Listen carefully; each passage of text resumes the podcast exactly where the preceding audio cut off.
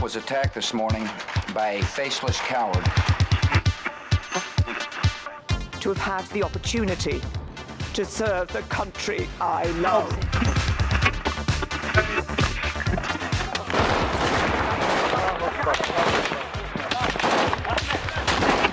Den Einsatz für Frieden und Freiheit in Deutschland, in Europa und in der Welt.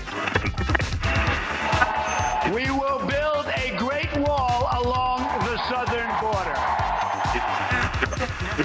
beg you, please do not fail on this.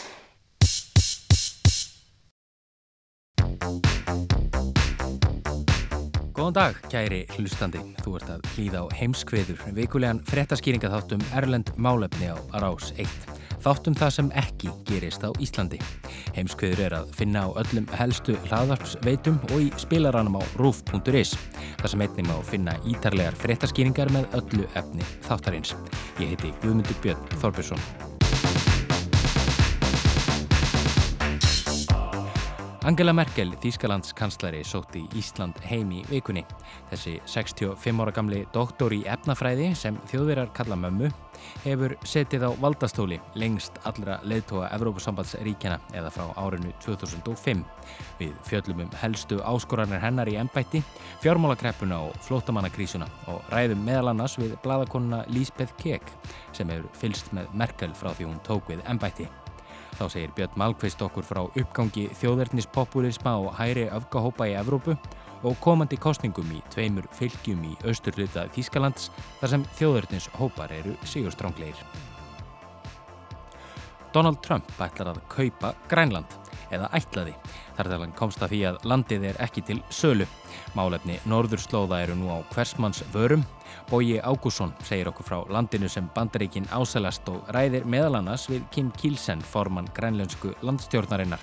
Kielsen, sem leið hefur undir gaggrinni samflokksmanna sinna, virðist hafa styrt stöðu sína í kjölfar umvala Trumps. Og í bandaríkinum eru laurugluifurvöld farin að nýta sér framfærir í erðavísindum til að leysa gömul sakamál. Þar er ýmsum meðlum beitt. Birta Björstóttir segir okkur meðal annars frá því hvernig notuð servjetta nýttist við að upplýsa morð sem framið var fyrir hátt í 30 árum síðan. En við byrjum á valdamestu konu heimskorki meirinni minna. Angela Merkel víkur úr ennbætti kanslara Þýskalands eftir tvö ár. Hún stóð af sér fjármálakreppuna, saminnaði Evrópu en er ekki allra.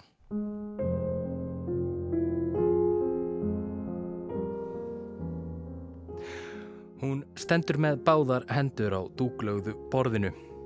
Hallar sér fram eins og lögfræðingur sem segir þeir að játa sög. Í stólnum fyrir framann hana setur valdamesti maður heims, fórseti bandaríkjana, með krosslaðar hendur og svipin eins og rekkjusvín sem var sendt til skólastjórans, fullviss um að hann hafi ekki gert neitt ránt. Allt í kringum þau standa mektar menni, fórsetis og utaríkisráþæra Japana, fórseti Fraklands, fórsetisráþæra Bredlands, þjóðarauríkisráðgefi Bandaríkjana, svo einhverjir séu nefndir. Einhvern veginn svona blasir við mér fræg ljósmynd frá fundi G7 ríkjana á síðast ári. Angela Merkel trónir yfir Donald Trump. Kanski frekar eins og móðir sem horfir á svonsinn, vonsvíkin á svip, en er um leið ekki búin að útiloka að hann bætir að sitt. Það er hún líka kölluð í heimalandinu, múti, mamma, móðir sem ber hag þinn fyrir brjósti, en læti þau ekki komast upp með eitthvað ruggl. Angela Dorothea Merkel fættist í Hamburg árið 1954 en fluttist sem kornabarn með foreldrum sínum til austur Þýskalands þar sem fadur hennar gengdi stöðu sóknarprests í bænum Perleberg miðja vegumilli Hamburgar og Berlínar. Hún namn eðlisfræði í Karl Marx háskólanum í Leipzig á 8. áratögnum og lögloks doktorsprófi í efnafræði 1986. En það voru stjórnmólinn sem áttu hug hennar allan og hófst stjórnmála ferill hennar á umbrótartímanum 1989 við fall Berlínarmúrsins. Eftir saminningu vestur og austur Þýskalands árið 1990 var Merkel kjörin á þing fyrir kristilega demokrataflokkin og hefur setið þar æg síðan eða í 29 ár. Fáir þekkja feril Angelu Merkel betur en danski bladamæðurinn Lísbeth Kek, stopnandi frettamilsins EU Observer, sem sérhefi sig í frettum um málefni Evrópusambandsins. Lísbeth hefur fylst með Merkel frá því hún komst til valda í kristilega demokratafloknum og fyllt henni viðsvegar um heiminn. Ég hitti Lísbeð í Hörpu en hún var hér á landi vegna heimsóknar Merkel hingað til lands í vikunni og sumarfundar fórsetisar á þeirra Norðurlandan. Omkring hennes, øh, den, den situation, hvor hun overtager lederskabet af, af CDU i Tyskland, Í tengslu með það hvernig Merkel komst til valda í kristilega demokratafloknum í Þýskalandi þá ber að nefna að hún var stjórnmálamæður á besta aldri sem að fólk tók mark á. Hún er kona og eftir fall Berlínamúsins var kallaði í ríkara mæli eftir konum í pólitík. Hún kemur líka frá Austur Þýskalandi og það hjálpaði til. Frá Öst-Tyskland, for hele Tyskland. Segja má að Merkel hafi verið nokkur skonar óskabatn og eftirlæti Helmuts Kohl, kanslara og leiðtoga kristilega demokrata. Hann gerði hana tvívegis að ráþæra. Og hún er meget, meget ung. Øh, så hann ser með det samme, at hún har en potentiale. Hún var mjög, mjög ungað árum. En hann segir aftur á móti að hún sé mjög efnilegur stjórnmálamæður. Helmut Kohl leiti til hennar sem heppilegs arftaka sín sem leðtói flokksins. Að því leiti er hún sem stjórnmálamæður mikið til mótuð af Helmut Kohl. Så hún er øh, formet også af Helmut Kohl til en viss grænse. Mæn Mädchen kallaði Kohl Merkel stúlkan mín. En samband Kóls og Merkel átti þó síðar eftir að styrna í kjölfar nexlismála vegna ólöglegra fjárvitinga til kristilegra demokrata árið 1999. Merkel gaggrindi Kól ofinberlega og framdi nokkus konar hallarbyltingu í floknum sem var til þess að hún tók við formannsembætti af Wolfgang Schauble þann 10. april árið 2000. Merkel tekur við ennbætti formans kristilega demokrataflokksins árið 2000 og verður kanslari Þískalands 2005 fyrst hvenna í ríkistjórn kristilega demokrataflokksins, Sósjaldemokrata SPD og kristilega sambandsflokksins CSU. En hvernig stjórnmálamadur er Angela Merkel? Hún hefur að mörguleiti verið leiðtogi Evrópu á undaförnum áratug eða svo segir Eirikur Bergman Einarsson, professor í stjórnmálafræði við Háskólan á Beirust. Má eiginlega segja sko að hún rýsi upp sem heimsleiðtogi í fjármálakrísunni eh, 2008 á efru krísunni sem að fylgir í, í kjölfarið þar sem að hún tekur sér mjög skýra fórstu stöðu innan eh, Evrópusambassins Merkel er vissulega mörgu leiti álitin leðtögi Evrópu í krafti stöðu sinna sem kanslari þess efnahagslega og pólitíska stórveldi sem Þískaland er. En það er ekki þar með sagt að hún sé uppáhalds stjórnmálamaður allara. Merkel var fórseti Evróparáðsins árið 2007 og fóru auk þess sem kanslari Þýskalands mikinn í að móta þá aðhaldsstefnu sem nokkrum ríkjum Evrópasambatsins var gert að gangast undir í Evrukrísunni á Ítalju, Spáni, Portugal og einna helst Greiklandi. Aðhalds aðgerðnar gengu nærri þessum löndum, sérstaklega Greiklandi. Janis Varoufakis fyrir fjármálaráþara Greikja hefur gaggrínt Merkel fyrir þær byrðar sem Evrópasambandið lagði á Greikland. Hann líkti aðhaldsaðgerðin þeim er Greikir þurftu að gangast undir við versalasamningin, friðarsamning sem markaði lók fyrri heimstyrjaldar og skuldbatt þjóðverja til að greiða fúlgur fjár í skadabætur vegna hildarleiksins.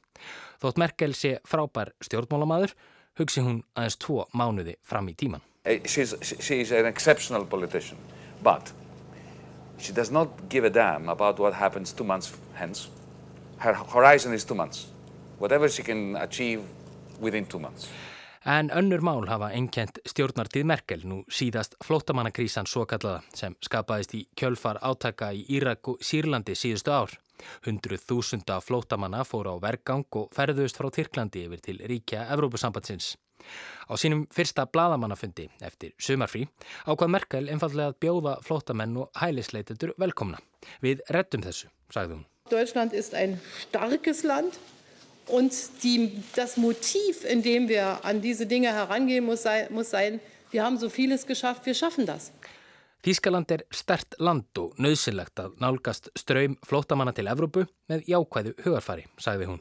Við höfum afrekað svo mikið, við rettum þessu. Við er sjaffendas. Og ég vil sige, den eneste gang, hvor hun måske tog fejl, det var da hun sagði við er sjaffendas. Þarna gerði hún mistök. Þetta var hátendur flótamannakrísunar, hún hafi verið í fríi með einmanni sínum upp í fjöllum og hún segir einfallega við rettum þessu. Þá meint hún bara að Þýskaland myndi sjá um þá fáu flóttamenn sem á þessum tímapunkti voru komnir til Þýskalands, en það er landið bæði stórt og ríkt. En þessi orðennar voru heimfærð upp á alla flóttamenn og hælisleitundur út um heim allan. Ég held að hún hafi ekki síð þetta fyrir og þarna gerði hún mistök. Ég held að hún hafi ekki alveg gert sér grein fyrir hvaða afleðingar þessi orð myndu hafa. Ég held einfallega að þarna hafi hjartalag hennar og meðengum með náunganum syngt sig, hennar kristna trú. Henni hafi þátt mikilvægt að loka ekki dýrónum fyrir fólki í neyð.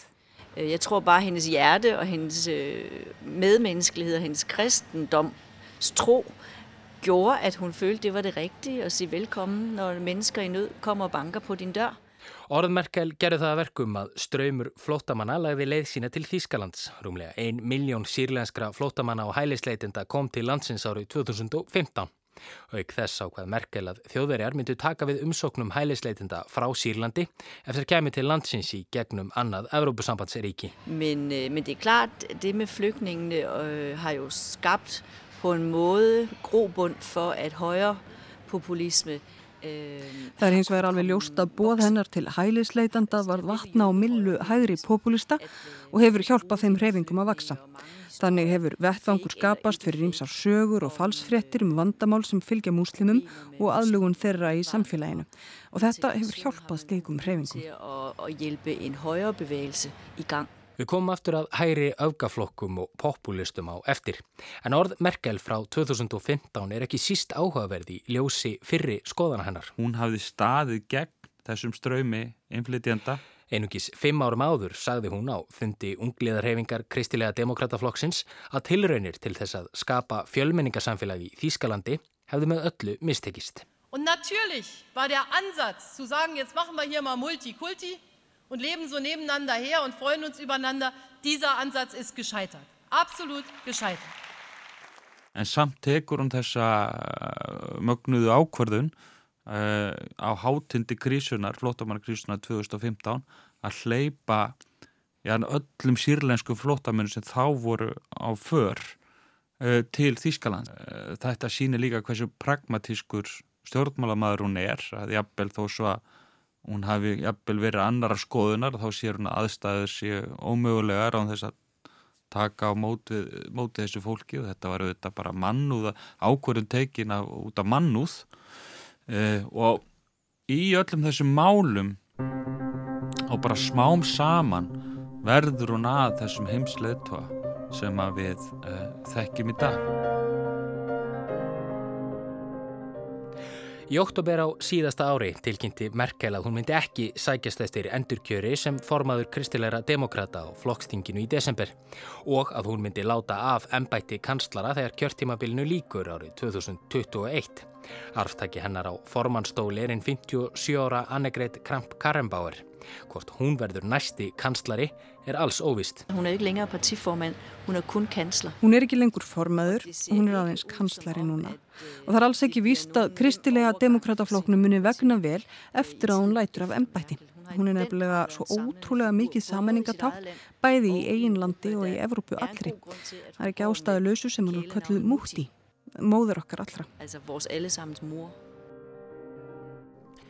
En hvernig mun tíminn fara með þessa móður okkar? Hvernig verður Angelu Merkel minnst í sögunni sem heimsleðtóða eða sem ströngum óhaganlegum harðstjóra sem allir ríkjum söður Evrópu efnahagslegu tjóni? Hennar verður einhverju leiti minnst sem sko klettinum í hafinu sem stóð af sér brotsjó uh, fyrst í, í fjármálakrísunni og svo í flótamannakrísunni hún verður auðvitað líka minnst sem í söður Evrópu verður hún auðvitað hún verður hún líka minnst sem sko manneski sem hefur allir fólki þar þrengingum. Hún varð ekki við þeim óskum sem að ríkistjórnir í, í Aþenu og Madrid og Lissabon sko fóru fram á. Mm -hmm. Að ég held að hún geti nú silt glöðin í sólsetrið en hún er auðvitað ekkert sko tandur reyn af öllum verkum sko. Þrátt fyrir það segir Lísbeth Kek mér að með Angelu Merkel fari ákveðin stöðuleiki úr euróskum stjórnmálum. Hún sé akkirið nöðsynlega sem hvert skip þurfi á að halda. Hún sé leiðtógin sem menn hafi hort til og þegar hún hverfur á sjónasviðinu verði stórt skarð högvið í múrin. Eitt mikilvægasta framlag hennar er þó kvorki tengt fjármálum nýja flótamönnum. Amati Lisbethar. Jeg synes også, man må sige om hende, at hun med tiden er blevet en slags mentor for mange unge øh, politikere og ledere, kvindelige politikere og ledere. Jeg tænker, det har noget at gøre med alt det, hun formentlig har... Ég held að með tíð og tíma hafi Merkel orðið að fyrirmynd fyrir ungar konur í stjórnmálum sem tengist því að hún kom sjálf mjög ungin í stjórnmálinn Þess vegna held ég meðal annars að hún er í góðu sambandi við fórsættisar á þrjá Íslands en einnig aðra kvennleitóga um allan heim.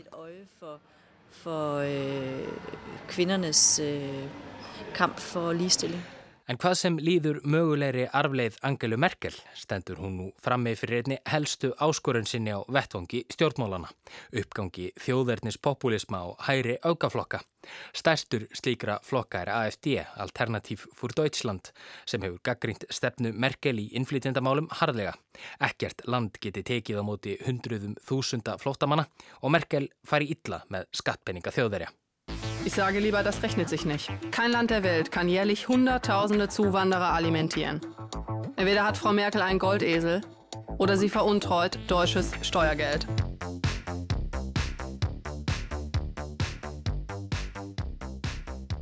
Og talandu um AFD, nú í haust verða kostningar í tveimur fylgjum í austurhluta Þýskalands og þar er búist við því að AFD já, nái nokkuð góðri kostningu ekki satt Björn Malkvist frettamæður á ellendu deildinni. Jú, það er mikið rétt. Það verður kostið í Brandenburg og í Sachsen 1. september og svo reyndar í Thüringen í, í oktober. En það er í Brandenburg og Sachsen sem að búist er við að AFD vinni talsverda á. Þetta er í austurluta Þýskalands. Þar hefur þessi flokkur AFD eða Þýski þjóðarninsflokkurinn uh, unni sér til dælulega fastansess uh, eh, af mörgum ástæðum en sem að sumar hverjar má leiða allt aftur til 1989 þegar múrin fjall Eh, það hefur verið efnarsástandi í þeim hluta landsins hefur alltaf verið svolítið erfiðara. Eh, flokkar af þessu tægi og þessi flokkur hefur átt svona auðvöldina með að skjóta það rótum. Þannig að þeir hafa sterkari stöðu á, í þessum hluta Þýskalands en til dæmis í vestulutunum þannig að eh, já það verður góðsíði Brandenburg 1. september. Þar er sko AFD í efsta sæti samkvæmt konunum og lendið er í efsta sæti þá í, í kostningunum sjálfum.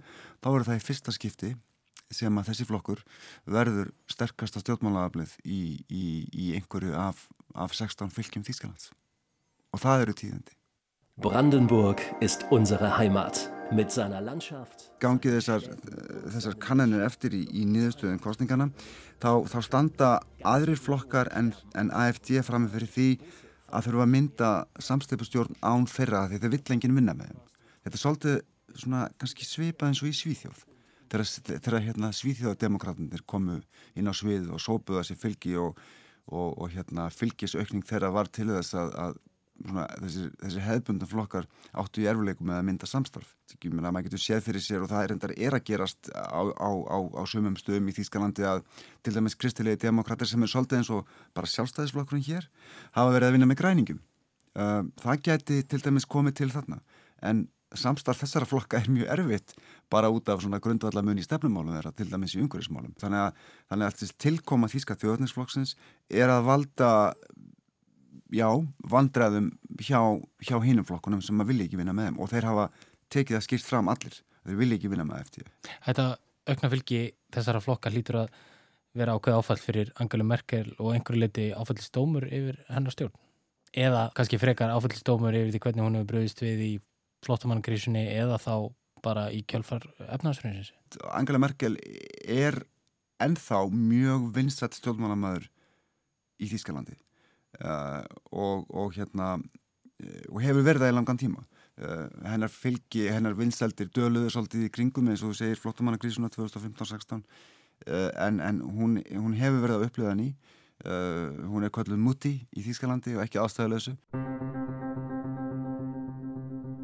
sko, ef, ef við tölum um sko hvers vegna Þíski þjóðatinsflokkurinn AFT er að rýsa á undanfarnum árum, það kemur margt til. Það kemur til auðvitað eurokrísan fjármálakrísan, það kemur til flottumannakrísan sem greint að gjör breytti eðlið þessa flokks, hann var stopnaðið sem mótmælendaflokkur gegn efrunni upphaflega en, en, en skiptum kurs svolítið sko þegar, þegar hérna, flottumannakrísan hófst og er núna mjög þjóðverðnisinnaður and innflytjanda flokkur ef að það er merkel að kenna já að vissu leiti en þetta er líka bara svona byrtingamind á bylgu þjóðverðnisflokka sem hefur átt sérst að annar staðar í Európu og reyndar annar staðar í heiminum uh, þetta er bara þann þýska byrtingarmyndin myndin af þessari þróun uh, ég held að ég meina við þurfum ekki að líta lengra enn til Ungverðarlands eða Póllands, Ítalíu, Fraklands uh, til að sjá dæmi um álíka þróun.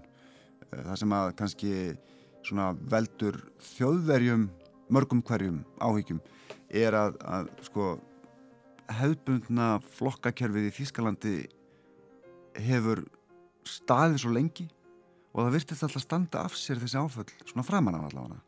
Uh, það sem að breyttist á undarfartum árum er jú tilkoma hérna, er flottamannakrísan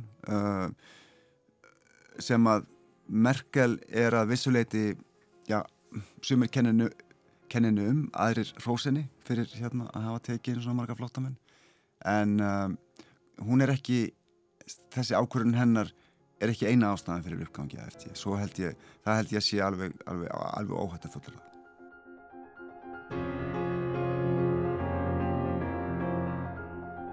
En við sjáum til hvað gerist í, í, í byrjun september í, í Brandenburg og Sachsen.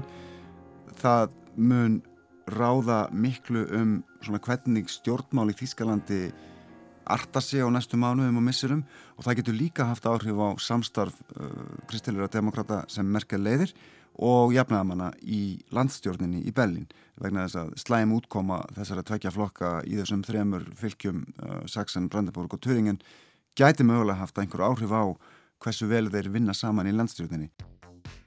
Þjóðverið með mjög illa við aukakostningar en það er aldrei útalokað að slíkt geti kæst.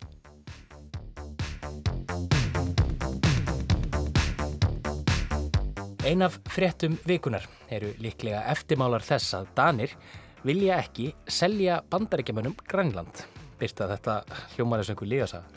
Já, ég held að þetta geti allavega flokkast sem óvæntustu fréttir. Já, ég veit ekki hvort ég segja ársins, það kemur kannski ljós.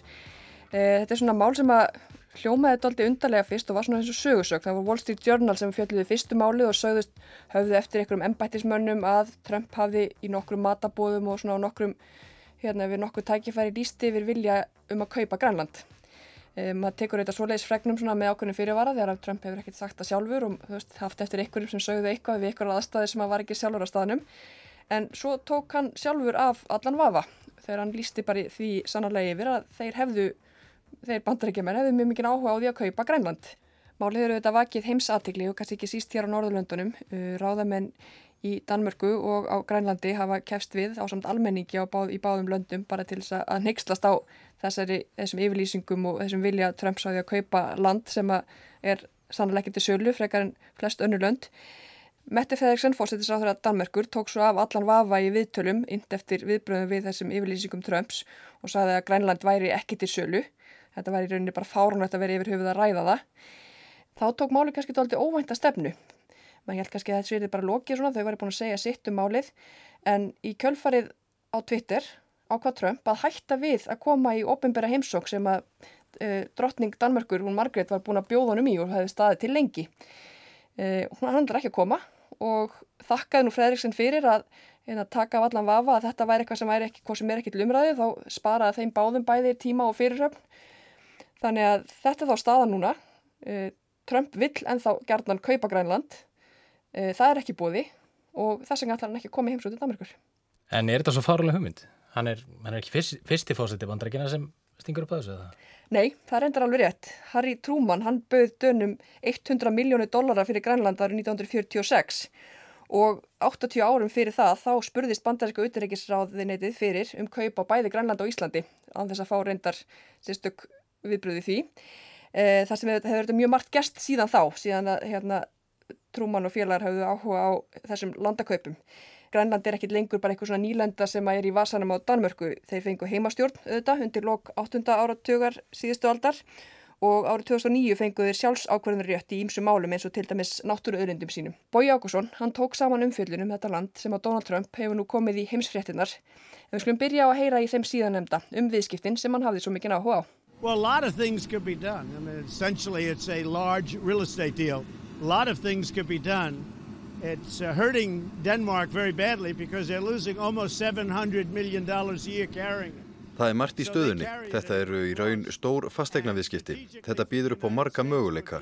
Danir tapa stórt á því að halda landinu uppi, næstum 700 miljónum dollara á ári. Landfræðilega myndi þetta líka koma sér vel fyrir bandaríkinn.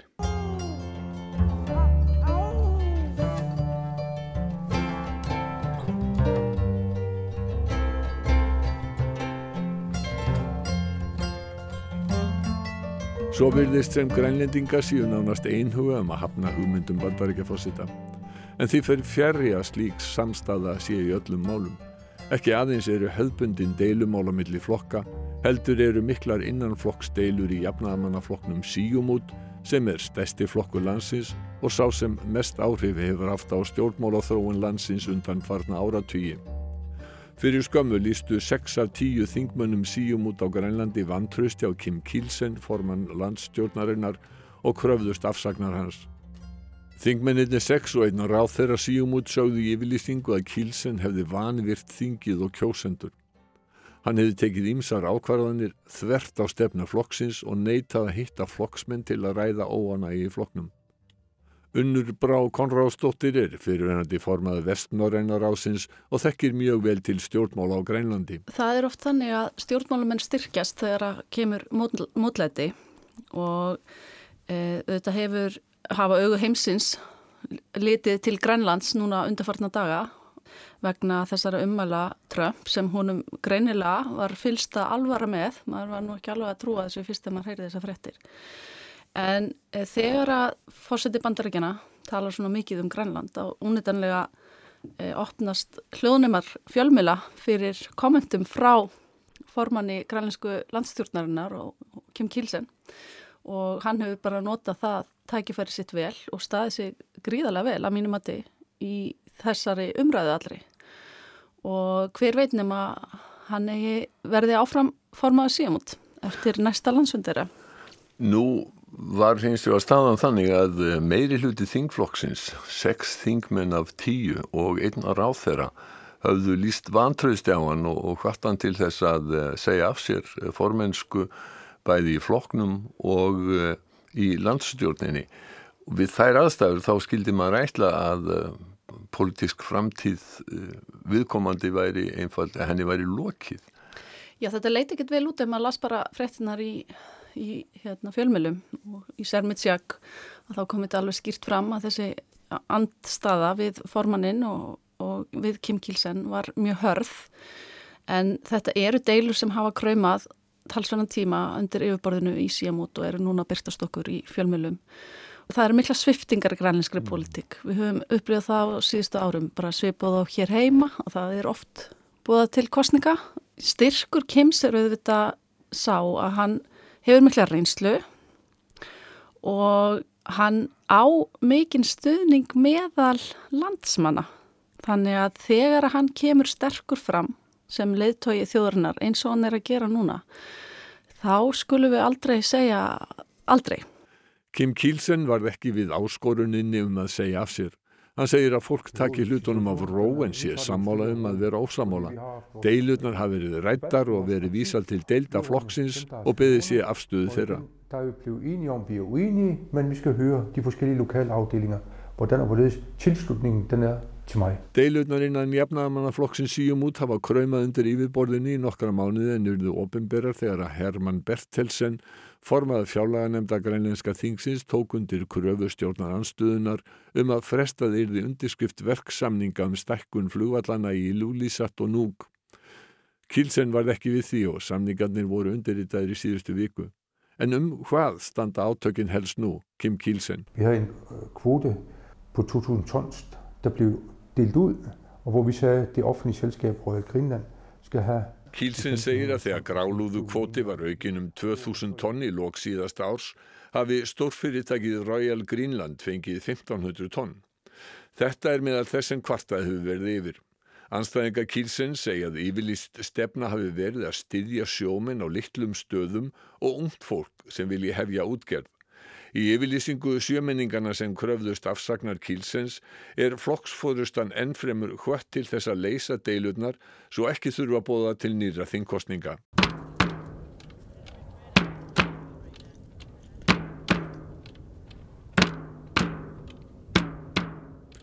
Grænlendingar kusu í fyrravoru eftir kostningarnar myndaði Kílsens samstipustjórn.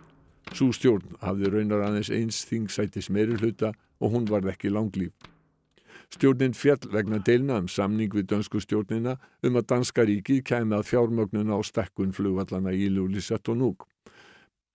Mjög deildar meiningar hafði verið um samkómulega á Grænlandi, margir telja það stefna sjálfstæði sparóttu Grænlands í tvísinu. Kílsen satt þó áfram sem landstjórnarformaður, nú í skjóli demokrataflokksins eftir að samkómulega náðist við þann flokk um að sex þingmenn hans stýttu stjórnina. Nú verðist landstjórnaformaðurinn í þröngur í stöðu þegar meiri hluti í þingflokk síumút hefur líst vantrösti á hann og krafist afsagnar hans. Unnubrá Konráðsdóttir telur samt sem áður ekki að Kílsen þurfa að hafa miklar áhyggjur á stöðu sinni. Það eru alltaf át í síumút og Uh, ég, ef ég var ráðgjöfu Kims þá myndi ég ekki hafa miklar ágjör á þessu Skorin orð viðbröð Kilsens við tilbúði Donalds Trumps hafa vakið aðtekli, hafa þau ef til við styrtan? Já, það er mitt mat og um, ég finnst eins og Kim hefur verið hérna núna og er hérna á Íslandi og hefur verið hér í, í vikunni og mér finnst hann hafa komið mjög sterkur út úr þeim fundum og við höfum síðan meðlans á í fréttatíma rúf verið að tala fyrir hagsmunum Grænlands og útskýra sjóna með grænlendinga og hann er reynslu mikill stjórnmálumæður sem hefur mikið bakbein. Þannig að við skulum ekki afskrifa Kim Kielsen akkurat eitt, tveir og þrjú. Ég myndi ekki gera það. Líklega þurfa grænlendingar og styrkri og stöðugri stjórn að halda á næstu árum aðtegli heimsins beinist að landinu. Hvernig ætla grænlendingar að bregðast við því? Ég vil sige det på en anden måde. Arktik har været i søgelyset i længere tid, og nu er fokus begyndt at blive mere og mere centreret på Grønland. Norðurslóður hafi verið í kastljósi heimsins og nú beinist aðteglinn að Grænlandi. Það er vel því að það opnar okkur tækifæri möguleika til samvinnu og þróunar. Múliðar for útvikling. Grænland er ekki einungis að verða mikilvægara í refskák alþjóð og stjórnmála, heldur gætir áhrif á lofslagsbreytinga óvíða jafn mikið og þar. Dem kan du mærke rigtig meget i Grønland, og ikke kun i Grønland, det kan du mærke i hele Arktis. Det er jo omkring dobbelt så hurtigt, det går deroppe, ændringerne. Så Fólk sér afleðingar lofslagsbreytinga ekki bara á Grænlandi heldur á öllu norðurskautsvæðinu. Hlínun er um það byrj tvöfatt hraðari þar. Við skulum einnig huga því jákvæða. Meira land verður aðgengilegt fyrir námuvinnslu en á móti eru afleðingar neikvæðar fyrir þá sem lifa því að veiða fisk af ísnum sem þinnist stöðugt. Á Suður Grænlandi eru vandamál vegna þurka, sumrin eru hlýri en skortur á vatni. Med det er en god sommer og det hele, men vi skal løse et problem, hvordan og hvorledes vi kan sætte vandingsanlæg og det hele i gang. Grænland er að ganga í gegnum mjög miklar breytingar. Eh, áhrifa lofslagsbreytinga gætir mjög á Grænlandi. Ísin er að hopa og við heyrum það á viðtölum við uh, meðal annars Kim Kielsen að ísin sem áður var mjög þykkur og menn bara gátt staðið á honum og fengið sér kaffesopa og rætt saman hann er orðin það þunnur að menn þurfa að hlaupa yfir og, og reyna að koma sér í, á fastland sem fyrst. Uh, þetta þýðir að dýrin sem að lifa á ísnum er að fara norðar og norðar og þetta er allt saman að breytast og þau finna áþreifanlega fyrir þessum breytingum og vilja að það sé greipið til aðgerða og vilja það að stóra þjóður heims síni ábyrð og geri meira. Ferðarþjónusta er vaksandi atvinnugrein á Grænlandi og mikilvægir hennar ykst enn þegar stekkun þryggja flúvalla verður lokið eftir nokkur ár. Grænlendingar vilja einnig bæta nýtingu sjávarabla og mikið maks sjálfgæfra og verðmættra málma er að finna í jörð, líklega einnig gas og olju. Margt bendi því til þess að eigin efnahagur Grænlands geti staðið undir nútíma lífskjörum ánstyrkja frá Danmörku. Ég held að framtíð Grænlands sé mjög björt að þessu leiti en allt hangir þetta á því að okkur takist að ná tökum á lofslagsbreytingum.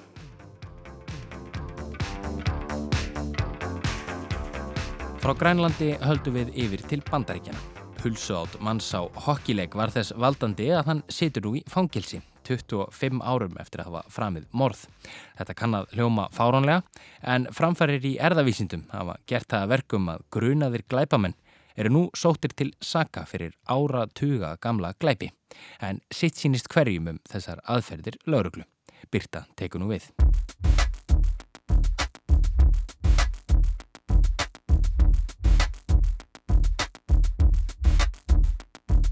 Sagan byrjar á frásögn af Jerry Westrom. Sá er 52 ára gammal maður sem í upphafi árs sótti hokkileik í Minneapolis. Í frétt New York Times um málið kemur ekki fram hvaða leikur þetta var, en það er það aukaðatriði. Það sem er aðalatriðið í sögunni er serjetta sem hann notaði til að þurka sér um munnin eftir að hafa gætt sér á pilsu fyrir leik. Sögur sem hverfast um munnþurkur eru kannski fátíðar og jafnvel ekki ekki áhugaverðar. En þessi tiltekna munnþurka varð hins vegar til þess að 25 ára gamalt morðmál telst nú upplýst. Westrom, maðurinn með pilsuna á hokkileiknum, var nefnilega undir eftirliti lögreglumanna sem sátu um hann og veittu munnþurkun upp úr uslinu eftir að hann hafi lokið sér af. Það var í júni árið 1993 sem Jean Ann Child fannst látin á heimili sínu í Minneapolis. Hún var 35 ára og vann fyrir sig með vændi. Hún hefði verið stungin til bana en einu vísbendingarnar á vettfangi var sæði sem fannst í líkamakonunar og á handklæðinni á baðherbergi. Svo liðu 25 ár og slóðin kólnaði. Rannsókmálsins miðuði lítið sem ekkert. Ekki fyrir nárið 2015 þegar rannsóknulöruglumenn í Minneapolis ákveða að dusta ríkið af málskjölunum með liðsinni fulltrúa frá bandarísku alríkislöruglunni FBA. Ekkert nýtt hafði svo sem komið í ljós við rannsók málsins en nýleg tækni og aukið aðgengi að henni varð hins veti þess að ákveði var að freysta þess enn og aftur að hafa upp á þeim sem myrti Jean Ann Child. Lauruglumenninni létu bera saman lífsíni sem fundust í íbúð Child þarna árið 1993 við gagnagrunna erðaefnis á vefsíðum sem eiga sífelt meiri vinsaldum að fagna í bandaríkjunum. Aðeins meira um gagnagrunnana á eftir. Þar komi ljósa að erðaefni tveggja manna sem skráðir voru í gagnagrunin pössuði við lífsíninni í búð Jean Ann Child. Það sem annar þeirra bjó sömu slóðum og Child á sama tíma og hafði sömu leiðist dóm á bakinu þótti hann líkleri. Það var Jerry Westrom, maðurinn með servittuna og hokkileiknum. Með því að ná í erðaefni á serjettunni í títnemdu og sína fram á samsförun við lífsíni á vettvangi morsins var hægt að ákjæra Westrom fyrir morðið á Child. Westrom býður nú dóms. Viðlíka frásagnir hafa orðið æg algengari í bandarísku miðlum undan færir misseri. It happened back in September 2006. No one could explain who killed Roxanne until now. Baltimore County Police arresting 56-year-old Michael Amick and charging him with her murder. On Friday, 44 year old Stephen Downs was arrested in Portland, Maine for allegedly killing 20 year old Sophie Sergey at the University of Alaska in Fairbanks back in 1993. Þetta byrjaði eiginlega með handtöku mannsanafni Joseph James D'Angelo. Hann gengur þar vestra undir viðnefnu Golden State Killer. Frekar virðulegt heiti verður að segjast, morðingi sem kentur er við þetta fallega gælunarn Kaliforníuríkis. Í hyllum lauruglunar í Kaliforníu söpnuðu sömu leiðis ríki fjölmörg óupplýst mál, morð og nöðganir meðal annars. Lífsínum að vettvangi glæpana var haldið til haga en lítið hægt að gera, engin grunaði til að bera þau saman við. Þanga til farið var að láta reyna á samsförun í gagnaböngum sem geima hauga af lífsínu. Þá kom í ljós samsförun millir lífsína úr 13 morðmálum og fleiri en 50 nöðgunum úr ríkföllnum málskögnum. Þau voru öll úr sama manninu. And this morning, the method investigators used to find their suspect is being called into question. Plugging old crime scene DNA of an unknown attacker into the genealogy site GEDmatch, then building extensive family trees. A pool of thousands, narrowed down to a handful that investigators say ultimately led to the name Joseph D'Angelo. Fyrirverandi lauruglumadurinn James D'Angelo var handtekinn í april í fyrra. Grunaðurinn með minnsta 13 morð fleiri en 50 nöðganir og fleiri en 100 innbrott á um 12 ára tímabili á árunum 1974 til 1986. Glæpir hans eru þó líklega mun fleiri. Byrta þetta hljóma nú næstum og gott til að vera satt. Er ekki bara þetta að keira lífsínabanka lauruglunar við allar þessar eftirreðsíður og, og leysa þannig óupplist mál í stórum stíl? Jú, það farið auðvitað einfaldast.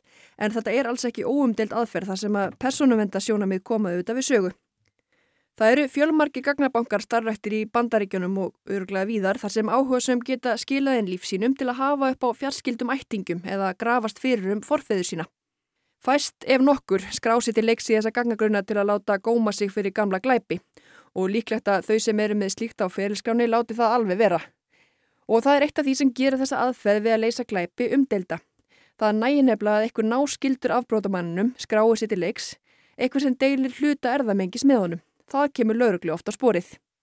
Þannig var það til dæmis í tilfelli Golden State morðingjans DeAngelo. Hann hafði sjálfur reynd að fara að huldu höfði áratugum saman. Það voru svo einhverjir fjarskildir ættingar sem komu lauruglun á spórið.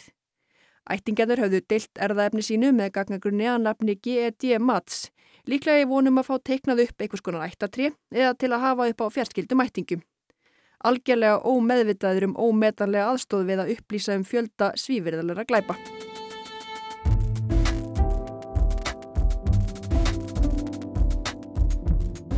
Við séum flest eflust sammála um að þau sem drepa og nöðga megi gerðnan bera ábyrð á gjörðum sínum eru þessar aðferðir ekki óumdeildar. Verjendur þeirra sem eru nappaðir árum og áratugum síðar eftir þessa aðferð eru þeir sem hafa hvað hæstum hvað þessi meðul eru varasum. Og kannski eðlega því það er jú þeirra starf. Þeir nota gerðnan þá málsvörna þarna sé of langt seils til að dæma fólk áratugum síðar og að áreðanlegi gagnana sé ekki óumdeildur. Þá setja margir þeirra spurningamerki við öflun gagnana, samanber servéttuna sem veitt var upp úr ruslunni á hokkileiknum muniði. Saksóknari í málunu gegn servéttumanninum Vestróm sagði hins vegar að skilji menn eftir lífsíni og opnum vettvangi sé það þeirra vandamál. Það var sama rauk sem það fæstla og saksóknari í málunu gegn Golden State morðingjanum notaði.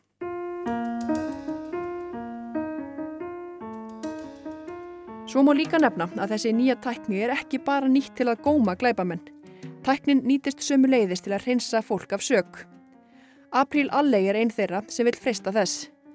Fadur hennar, Sedley Alley, var tekin af lífi árið 2006 fyrir morð á 19 ára hermanni Susan Collins að nafni. Sedley Alley was convicted and sentenced to death for the rape and murder of 19-year-old Suzanne Collins back in 1985 in Millington, that's just outside of Memphis. Alley confessed, but later he said he was coerced. He was executed in 2006, but his defense claimed that the court failed to review all evidence. A pair of the killer's underwear was found at the crime scene, but was never tested for DNA, a test that Allie's daughter says could have proved her father's innocence. Fadurinn sóttist reyndar sjálfur eftir því að fá að bera lífsíni sinn saman við sönnugögn í máli sínu, en þeirri beðni var hafnað. Og nú er það dóttir hans sem leitar á náði dómstóla til að fá þá óskans uppfylta að honum látnum. I feel like I'm being pulled in a thousand different directions. Watching my father die was so I'm, I'm hoping I can get the answer one way or the other that I want. Beðni sem hún vonast til þess að reynsi mannorð látins föðurinnar. Aðferðirnar hugnast kannski ekki öllum og fólk misviðkvæmt fyrir því að erðaefni sé meðhöndluð á þennan hátt. En ef markmið er að upplýsa morð og aðra svífriðilega glæpi, má líklega færa rauk fyrir því að tilgangurinn helgi meðalið. Jafnvel þó að meðalið sé notuð servjetta eftir pulsu á hokkileik. Heimskveður verða ekki lengri þessa vikuna. Þátturinn er endurfluttur á lögutaskvöldum á Rás 1 og aðgengilegur á öllum helstu hlaðvarpsveitum og í spilaranum á rúf.is.